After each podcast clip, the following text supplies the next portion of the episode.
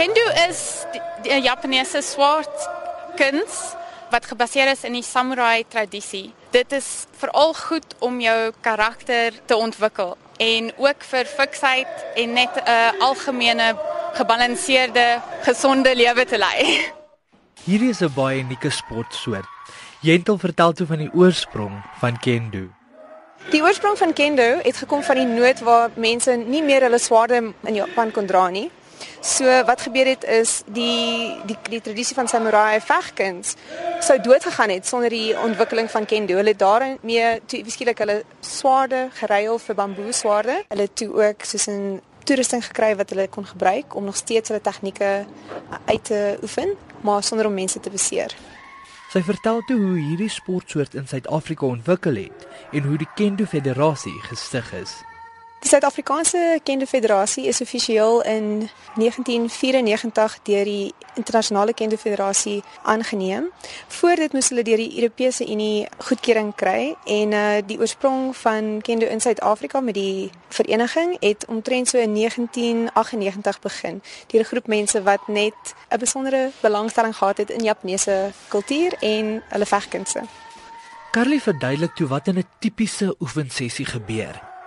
So 'n normale oefensessie sal begin met opwarming en daarna doen ons wat ons 'n uh, basiese houe noem en dan gaan dit dan ontwikkel verder in 'n meer komplekse tegnieke en daarna in volkontak gevegte wat gewoonlik net twee mense betrokke by is. Maar wat is die reëls met so kontaksport? Carly verduidelik toe wat die reëls is en ook hoe dit verskil met oefensessies en tydens kompetisies. Die enigste regte reël is net jy moet by die teikengroepe hou. Jy kan nie 'n persoon net slaan een op enige plek nie. Dit moet op die kop, gewrig, sy of uh, die keel wees. Dan in 'n kompetisie werk dit 'n klein bietjie anderste. Daar het ons 'n tydsbeperking van normaalweg 2 tot 5 minute en die persoon wat eerste twee teikengroepe raak slaan, wen so 'n wedstryd. So 'n sport moet dan seker unieke toerusting hê. Quentin vertel ons van wat jy in kendo benodig het, asook op watter vlak dit gebruik word.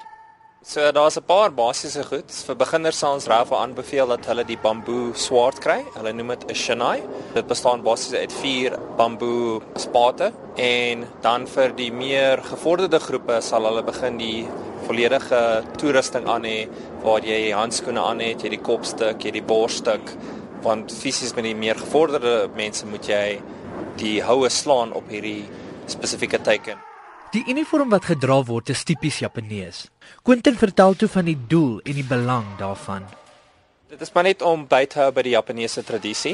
As jy vinnig kyk, sê jy dink dit is 'n rok wat ek dra, maar eintlik is dit 'n broek met twee broekspype. en so sê dis maar net vir 'n maklike beweging want die Japaneese het ook 'n uh, soortgelyke klere gedra in die tydperk wat die samurai geleef het. Kendo is nie van die grootste sportsoorte in ons land nie. Maar waar kry hulle dan al hierdie toerusting vandaan? Quentin vertel ons toe meer. In Suid-Afrika is dit baie beperk want dit is eintlik 'n internasionale sport. Die bamboe swaard kan mens kry. Ongelukkig die ander toerusting moet ons invoer van Japan af, maar ons het iemand wat deel is van die federasie wat vir ons die nodige uh, voorraad invoer. Hoe gewild is hierdie sport in Suid-Afrika regtig? Carly vertel ons meer hiervan asook in watter ander lande hierdie sport geoefen word. In Suid-Afrika is dit nie so populêr nie. Daar is omtrent 100 tot 120 lede, maar nie almal is aktief nie. Verder in die wêreld, in Europa, is dit heelwat populêr, veral in Wes-Europa en dan natuurlik in Asië is dit baie populêr met Japan en Korea wat die meeste kendo spelers het. Kendo is wel 'n vegkuns. Dis vertel Jentel of daar beperkings is tot wie mag deelneem. Wel, in kendo is daar nie enige ouderdomsbeperking of gewiggroepe nie, soos ander vegkunste in die Olimpiese wêreld, byvoorbeeld soos taekwondo het jy jou verskillende gewigsgroepe en dan ook jou ouderdomsgroepe.